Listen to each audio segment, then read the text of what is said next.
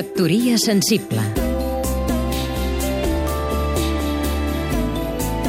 Emili Rosales, escriptor i editor El novel·lista que va descobrir a tots els catalans el món isolat i enlluernador del Delta de l'Ebre, Sebastià Joan Arbó, comptarà des d'aquesta setmana amb un espai on la seva trajectòria serà recordada i el seu univers literari celebrat. L'espai Arbó, que té també la vocació de punt de partida per explorar la geografia i la cultura del Delta, s'ubica en el millor lloc que un es podia imaginar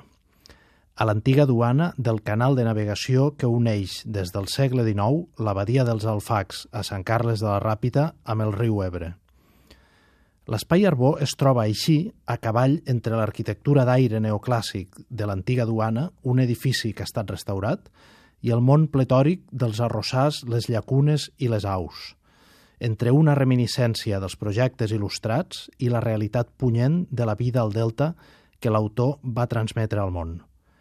Les circumstàncies han volgut que coincideixi aquesta inauguració de l'Espai Arbó amb un nou episodi de política hidrològica que posa en perill tota una reserva de la biosfera, una distinció que justament consagra l'equilibri entre l'espai natural i l'activitat humana. Factoria sensible